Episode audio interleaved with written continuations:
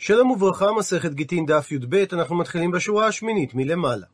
ציטוט מהמשנה, נקרא במשנה בפנים, שחכמים אמרו שהבעל יכול לחזור בו בגיטי נשים, אבל לא בשחרורי עבדים, והסיפה לפי שזכים לאדם שלא בפניו, ואין חבים לו אלא בפניו, וקיים הבדל מהותי בין גירושין של אישה לבין שחרור עבד כנעני, שאם ירצה האדון שלא לזון את עבדו הוא רשאי, ולכן אין בשחרור העבד הפסד מזונות עבורו.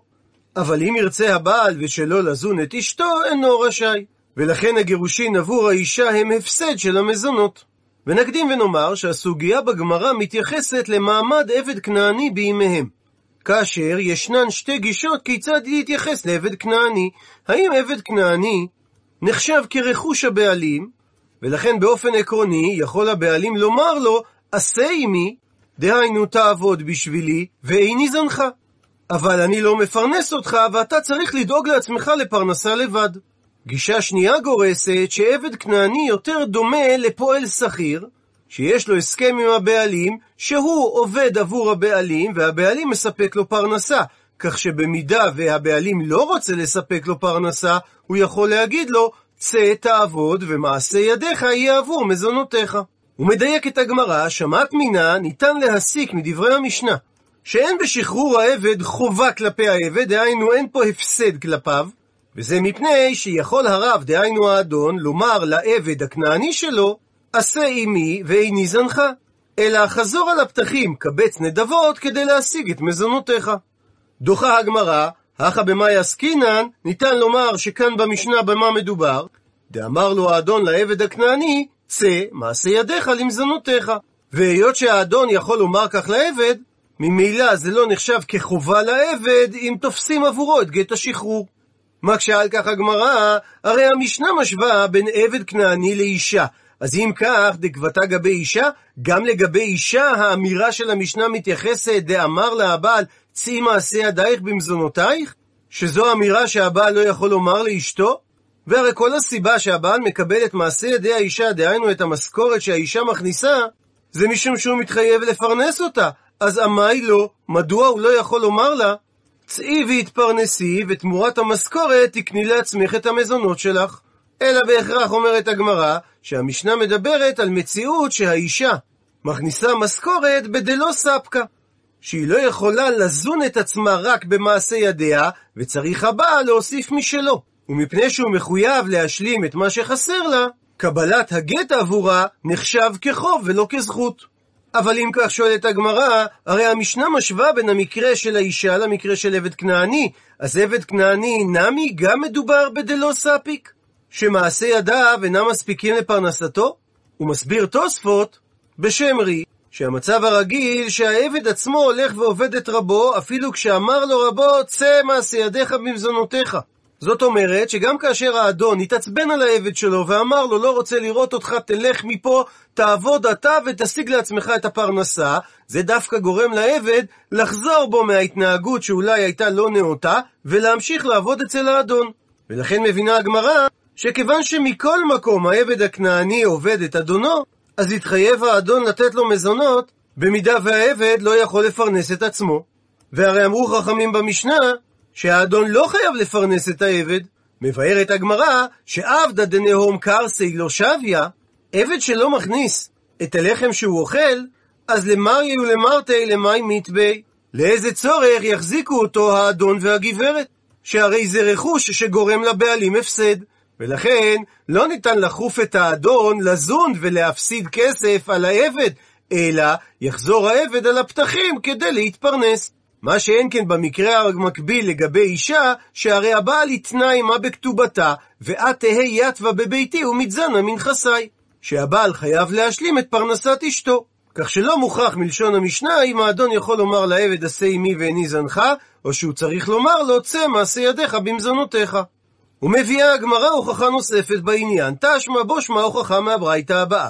עבד כנעני שחייב מצוות כאישה, שגלה לעיר מקלט עקב כך שהרג מישהו בשוגג, הדין שאין רבו חייב לזונו, ולא עוד, אלא שמעשה ידיו של העבד הכנעני שייך לרבו. עד לכאן לשון הברייתא, את הגמרא, שמע מינה, שיכול הרב, דהיינו האדון, לומר לעבד, עשה עמי ואיני זנך. דוחה הגמרא את הדיוק ואומרת, אחא במאי עסקינן, כאן בברייתא באיזה מציאות מדובר? דאמר לו האדון, צא מעשה ידיך למזונותיך.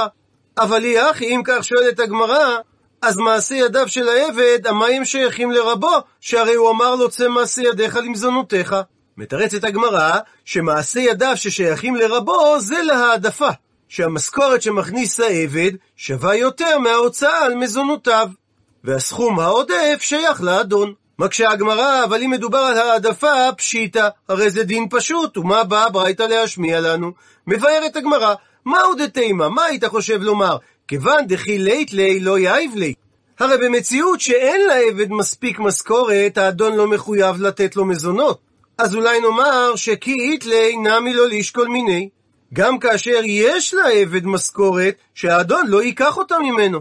וכך יהיה ביד העבד מזונות ביום אחר שאולי בו הוא לא ימצא להשתכר.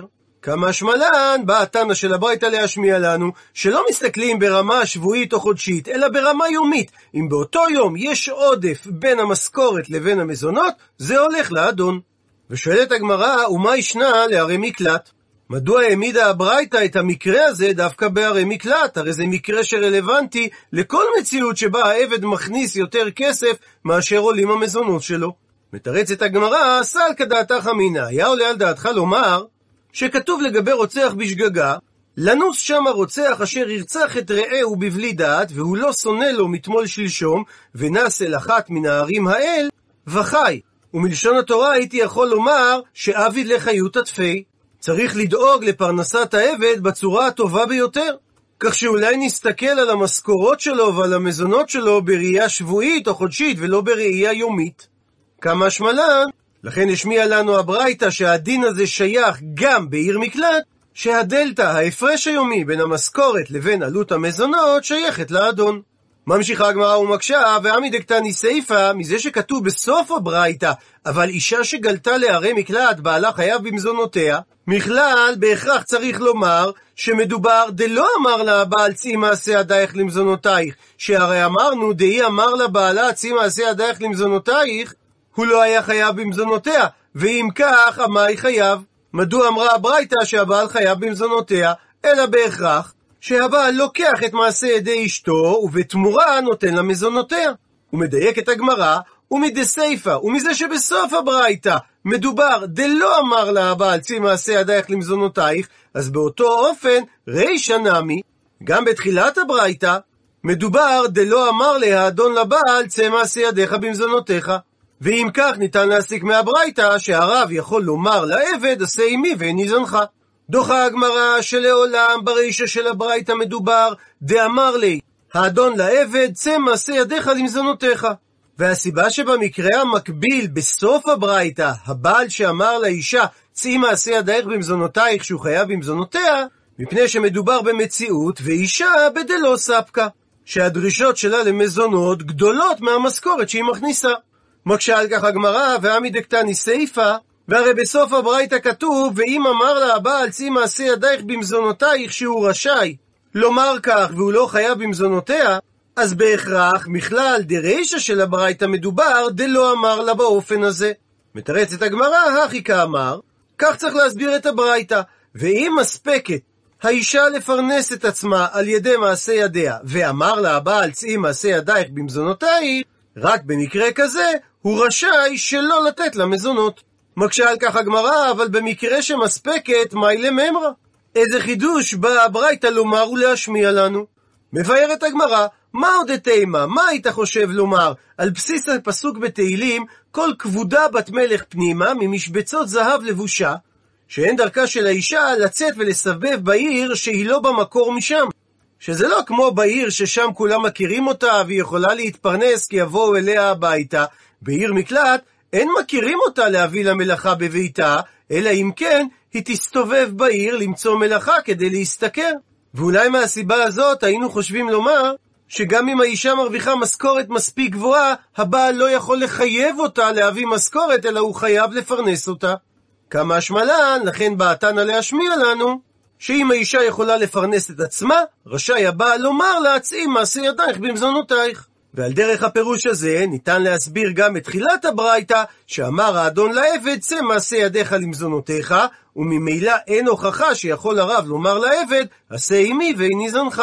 ושואלת הגמרא, לימה כתנאי, אולי הדיון האם האדון יכול לומר לעבד עשה עמי ואיני זנך באופן דומה לרכוש, או שהוא לא יכול לומר לו את זה, אלא יכול לומר לו צא מעשה ידיך במזונותיך, יותר דומה לפועל שכיר, זו בעצם נקודת המחלוקת במחלוקת התנאים הבאה, שרבן שמעון בן גמליאל אומר, יכול העבד לומר לרבו בשני בצורת, או פרנסני או הוציאני לחירות. וחכמים חולקים ואומרים שגם בשנות בצורת הרשות ביד רבו להמשיך להחזיק אותו כרכוש, ולומר לו, תדאג לפרנסה של עצמך.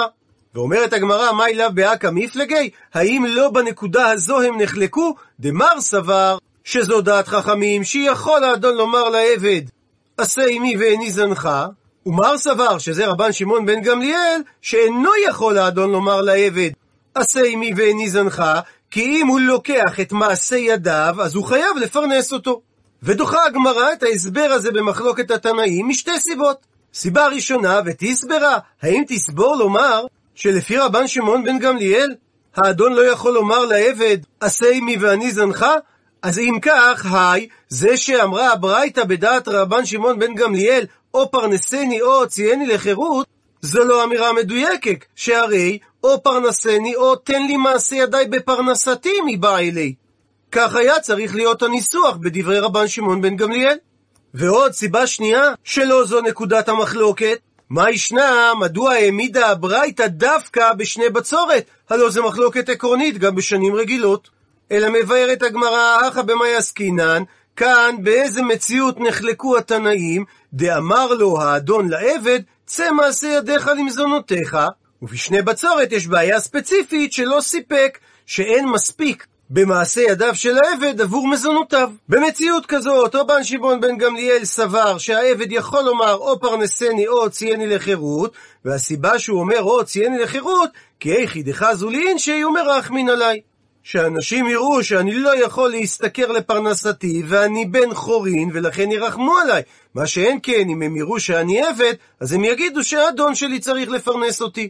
ורבנן לעומת זאת סברי, שגם בשני בצורת, מאן דמרחם אבני חרי, העבד נמי ירחומי מרחם. מי שמרחם על אנשים בני חורים שגוועים ברעב, ירחם גם על עבד שגובע ברעב. וממשיכה הגמרא תשמע, בו שמע הוכחה, ממה דאמר רב, המקדיש ידי עבדו, שאמר הבעלים, שכל מה שעושה העבד יהיה שייך להקדש. אז הדין שאותו העבד לווה כסף וקונה אוכל ואוכל, ועושה מלאכה ופורע את ההלוואה. עד לכאן דברי רב, ומסיקה הגמרא, שמע מינה שיכול הרב לומר לעבד, עשה עמי ואיני זנך. שהרי אמר רב שהאדון יכול להקדיש את ידי עבדו מתוך כך שמעשה ידי העבד שייכים לאדון, מצד שני הוא לא חייב לזון אותו. ולכן העבד צריך ללוות ועל ידי כך לקנות אוכל ולפרוע את החוב. דוחה הגמרא, הכא במאי עסקינן, כאן באיזה מציאות דיבר רב? במעלה לו מזונות. שמעשה ידי העבד שייך לאדון רק מכוח זה שהוא מפרנס אותו. אבל היא אחי, אם כך שואלת הגמרא, למאי אז לאיזה צורך הפכנו דף לווה העבד כסף ואוכל, הרי האדון מספק לו מזונות. מתרצת הגמרא שהעבד לווה כסף עבור להעדפה, כי הוא רוצה לאכול מזונות מרווחים יותר, מה שאין דרך בעליו להאכילו. מקשה על כך הגמרא, ולימלא שיאמר גזבר ההקדש לעבד, הרי עד אשתא עד עכשיו, סגי לך בלא העדפה. הסתדרת עם המזונות המועטים שנתן לך האדון, והשתנמי תסגלך בלא העדפה. אז גם עכשיו תמשיך להסתדר בלי מזונות מרווחים, וכך ירוויח ההקדש לעצמו את כל המשכורת שהעבד מכניס, ולא יהיה צורך לבזבז חלק מהמשכורת עבור מזונות מרווחים יותר. מתרצת הגמרא שלהקדש גופי ניחא לי, הדבר נוח להקדש שחלק מהמשכורת הולך עבור מזונות מרווחים לעבד, כי היכי דליש בחבדי. כי כך משתבח העבד שיש לו גוף בריא יותר, והוא יוכל לעבוד טוב יותר עבור ההקדש. הוא מצטט את הגמרא את דברי רב שאמר שהעבד לווה ואוכל, ואז עושה ופורע. שואלת הגמרא, והרי כמה כמה קדיש לי? כיצד הוא יכול לפרוע את ההלוואה? הרי כל מטבע ראשון ראשון שנכנס למשכורת הוא מעשה ידי העבד, ומיד חל עליו ההקדש של הבעלים. מתרצת הגמרא שאת פירעון ההלוואה הוא עושה בפחות פחות משווה פרוטה. כאשר רש"י מסביר שאין הקדש חל על פחות משווה פרוטה, ותוספות לעומת זאת סובר שהקדש חל על פחות משווה פרוטה, רק שכאן מדובר שלא היה בדעתו של הבעלים כאשר הוא הקדיש את מעשה ידי העבד, שיחול ההקדש על פחות משווה פרוטה. הוא מדייק את הגמרא, חינם ממסתברא, כך גם מסתבר לומר שרב דיבר על מציאות שהאדון מעלה מזונות לעבד, והוא לא יכול לומר לו עשה עמי ואיני זנך. דאמר רב מימרה נוספת, שהמקדיש ידי עבדו, אותו העבד עושה ואוכל. ונימק רב את הדברים ואמר, דאי לא עבדה, מן פלח לי. אם העבד לא יסתכל לצורך המזונות שלו, אז מי יעבוד עבורו? ומשווה הגמרא בין שתי המימרות של רב. במימרה הראשונה רב אמר שהעבד לווה ואוכל, ואז עושה ופורע. במימרה השנייה הוא אמר שהעבד רק עושה ואוכל. ואומרת הגמרא, היא אמרת בי שלמה. נוח לי להבין את דברי רב במידה ותסביר שהך. דברי רב הראשונים שהעבד לווה ואוכל ואז עושה ופורע, מדובר במעלה לו האדון מזונות, ואינו יכול האדון לומר לעבד, עשה עמי ואיני זנך. והא, ודברי רב, שהעבד עושה ואוכל והוא לא צריך ללוות עבור מזונותיו, זה מפני שמדובר במציאות בשאינו מעלה לו האדון מזונות, והיות והסברנו שאין האדון יכול לומר לעבד עשה עמי ואיני זנך, הרי מעשה ידי העבד לא שייכים לאדון, וממילא לא חל ההקדש על מעשה ידיו. ואז שפיר מובן שבמקרה הראשון מעשה ידי העבד הם הקדש, והוא מחזיר את ההלוואה שהוא לקח עבור העדפת המזונות בפחות פחות משווה פרוטה. אלא היא אמרת, האח שהדין הראשון שאמר רב, מדובר בשאינו מעלה הבעלים מזונות לאדון, ולמרות זאת חל ההקדש על מעשה ידי העבד, מפני ויכול האדון לומר לעבד עשה עמי ואיני זנך, אז לא מובנים דברי רב בדין השני שאמר דאי לא עבדה מן פלח לי. אם העבד לא יעבוד עבור מזונותיו, מי יעבוד עבורו? שהרי אם יכול הרב לומר לעבד עשה עמי ואיני זנך, אז מאן דבאי נפעל-חי. מי שירצה יעבוד כדי לפרנס את העבד, או במילים אחרות, זה לא מוטל לא על האדון ולא על ההקדש לפרנס את העבד. אלא לאו שמע מינה בהכרח. צריך להסיק שרב דיבר על מציאות שאינו יכול האדון לומר לעבד עשה עמי ואיני זנך שמע מינה. וממשיכה הגמרא ואומרת תשמע, בו שמע הוכחה שיש אמורה אחר שחולק על רב וטוען שהאדון יכול לומר לעבד עשה עמי ואיני זנך. דאמר רבי יוחנן, הקוטע יד עבדו של חברו, נותן שבטו ורפואתו לרבו, ואותו העבד ניזון מן הצדקה. מסביר רש"י, ששבט זה שכר הבטלה כאשר העבד חולה, שאף על פי שנתן לו דמי ידו, רואים אותו כאילו הוא שומר קישואין, ועדיין הוא ראוי גם בלא ידו לעבודה מעין זו כשיעמוד מחוליו. והוא הדין, אומר רש"י, שהוא נותן גם את נזקו וצערו לאדון, אלא שהגמרא לא הייתה צריכה לומר שהוא נותן את נזקו לאדון, כי זה בעצם דמי ידו. וברור שזה שייך לאדון, שהרי הוא פגע ברכושו של האדון. וגם לא ציינה הגמרא את צערו, שהרי זה בכלל רפואתו. הוא מדייק את הגמרא, שמע מינה, שיכול הרב לומר לעבד, עשה עמי ואיני זנך. שהרי אמר רבי יוחנן, שהאדון מקבל את שבטו ורפואתו, כאשר העבד באותו זמן ניזון מן הצדקה. דוחה הגמרא, הכא במאי עסקינן, כאן בדברי רבי יוחנן באיזה מציאות מדובר? במעלה לו האדון מזונות. ולכן זכאי האדון לקבל את שבטו ורפואתו. מקשה על כך הגמרא, היא אחי, אבל אם כך, עמאי, מדוע כתוב בדברי רבי יוחנן שהעבד ניזון מן הצדקה? מסבירה הגמרא שזה לצורך להעדפה, שהעבד צריך מפני חוליו להוסיף על מזונותיו. מקשה הגמרא היא אחי, אבל אם כך, שמה שהוא ניזון מן הצדקה זה להעדפה, המילה ניזון לא מתאימה, שהרי המשמעות של המילה ניזון זה מזונות כדי חייו. דהיינו הצרכים ההכרחיים שלו. ואם מדובר להעדפה, אז הלשון מתפרנס מבעילי. היה צריך רבי יוחנן לנקוט לשון של פרנסה, שהיא מכוונת על שאר צרכיו, מעבר לצרכים הבסיסיים שלו. אלא לאו שמע מינה, בהכרח צריך להבין מדברי רבי יוחנן, שהאדון יכול לומר לעבד עשה עמי ואיני זנך, שהרי העבד ניזון את צרכיו הבסיסיים מהצדקה. ואכן שמע מינה שכך אמר רבי יוחנן, וחלק על דעתו של רב. הוא מצטט את הגמרא, אמר מר, את דברי רבי יוחנן, שאמר שנותן שבטו ורפואתו לרבו. ושואלת הגמרא, שבטו פשיטא. מה בא רבי יוחנן לחדש? הרי ברור שהשבט שייכת לאדון, אלא למי זה יהיה שייך? שהרי מעשה ידיו של העבד שייך לרבו. ואם תאמר שזה נצרך כדי להשמיע לנו שרבי יוחנן סובר שיכול הרב לומר לעבד, עשה עמי ועיני זנך, הרי מספיק היה לומר שהעבד ניזון מן הצדקה ותו לא. ומדוע הדגיש רבי יוחנן שהשבט שייך לרבו? עונה הגמרא, רפואתו הצטריך עלי. שאמר רבי יוחנן ששבטו משלמים לרבו, אגב כך שבא להשמיע לנו שגם את דמי רפואתו משלמים לרבו. מקשה על כך הגמרא, אבל באמת, מדוע רפואתו הולכת לרבו? הרי דידי היא, דבאי איצויי בי. כסף הרפואה לא שייך לאדון, הוא אמור להיות שייך לעבד, כדי שהוא יוכל לשלם לרופא, כדי שירפא אותו. מתרצת הגמרא, לא צריכה.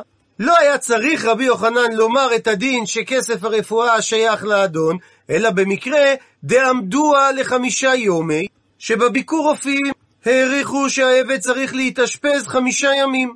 ועבדו לי סמא חריפה ואיצי בתלת היומי. ולבסוף נתנו לו טיפול חדשני, סם חריף יותר, שגרם לו ליותר צער, אבל בעקבות כך הוא נרפא בזמן קצר יותר, בשלושה ימים. אז מה עוד תימא? מה היית חושב לומר? צער עדידי הוא? התורה לא זיכתה את צערו של העבד לאדון, ולכן הכסף של היומיים אשפוז שנחסכו בעקבות הצער של העבד, בעצם מגיעים לעבד ולא לאדון. כמה שמלן, בא רבי יוחנן להשמיע לנו שכל שבח הבא לידו של העבד זוכה בו רבו, כדין כל שבח שמשביח רכושו של האדון. עד לכאן דף י"ב. למעוניינים בהרחבה, נקרא את דברי הרמב"ם ונושא כליו הכסף משנה בסוף הלכות עבדים. וכך כותב הרמב"ם, מותר לעבוד בעבד כנעני בפרך, ואף על פי שהדין כך, אומר הכסף משנה, שהרי התורה לא הזהירה שלא לרדות בפרך, אלא בעבד עברי, שהוא ישראל גמור, ואומר הכסף משנה, שמכאן ואילך זה דברי הרמב"ם, והדברים ראויים לאומרם. וכך אומר הרמב"ם, ואף על פי שהדין כך, בכל זאת מדעת חסידות ודרכי חוכמה, שיהיה האדם רחמן ורודף צדק, ולא יכבידו לו על עבדו, ולא יצר לו, ויאכילו וישקהו מכל מאכל ומכל משתה.